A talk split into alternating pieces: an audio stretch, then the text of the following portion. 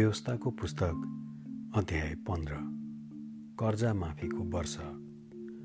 प्रत्येक सात वर्षको अन्तमा कर्जा माफीको समय राख्नुपर्छ।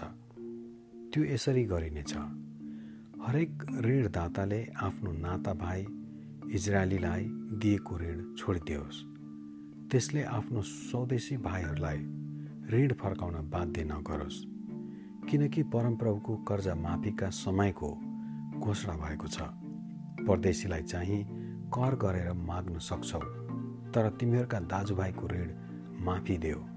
मैले आज आदेश दिएका परमप्रभु तिमीहरूका परमेश्वरको वचन तिमीहरूले होसियारी साथ पालन गर्यो भने तिमीहरूमा कोही गरिब हुने छैन किनभने तिमीहरूको अधिकारमा दिनुहुने देशमा परमप्रभु तिमीहरूका परमेश्वरले तिमीहरूलाई प्रशस्त आशिष दिनुहुनेछ।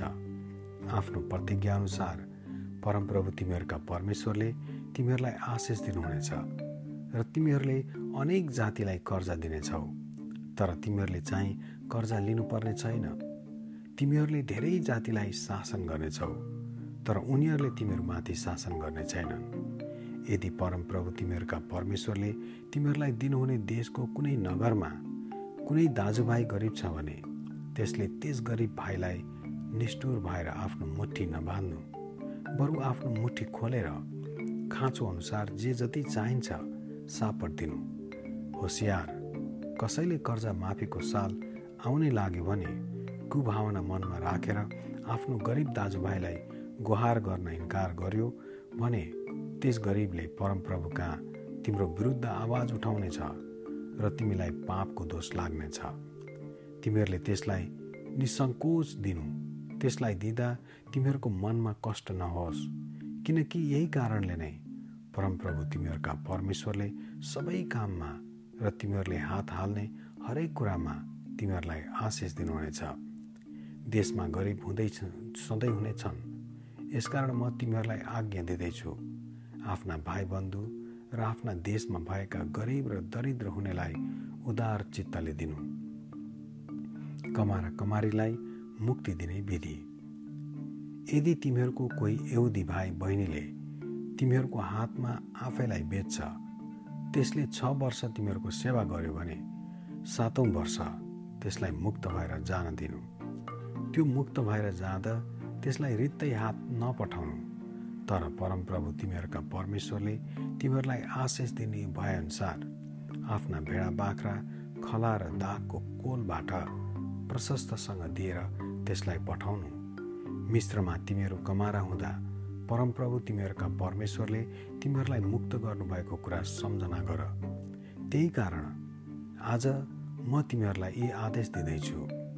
तर तिमीहरूको कमाराले तिम्रो र तिम्रो परिवारलाई माया गरी तिमीहरूसँग खुसी भएर तिमीलाई तपाईँ कहाँबाट म जान्न चाहन्न भन्यो भने एउटा सुतारो लिएर त्यसको कानको लोती कोठामा लगाएर छेड्नु र त्यो जीवनभरि तिमीहरूको कमारा हुनेछ आफ्नै कमारीलाई पनि त्यसै गर्नु।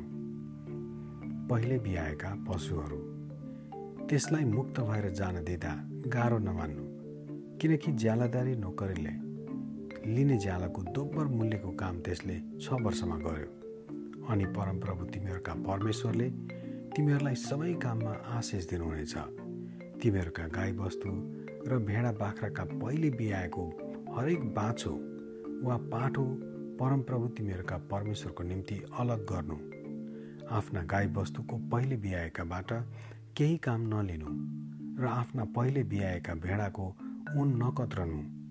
जुन स्थान परमप्रभुले चुन्नुहुन्छ त्यहाँ तिमीहरूले आफ्ना परिवारसँग हरेक वर्ष परमप्रभु आफ्ना परमेश्वरको सामुन्ने त्यो खानु। कुनै पशु लङ्गडा वा अन्धो भए अथवा अरू कुनै प्रकारको खोट त्यसमा भए त्यसलाई परमप्रभु आफ्ना परमेश्वरको लागि बलि नगर्नु आफ्नो सहरमै खानु। हरिण र वा मृगको मासु खाए चाहिँ विधिपूर्वक शुद्ध र अशुद्ध व्यक्तिले त्यो खान सक्छ।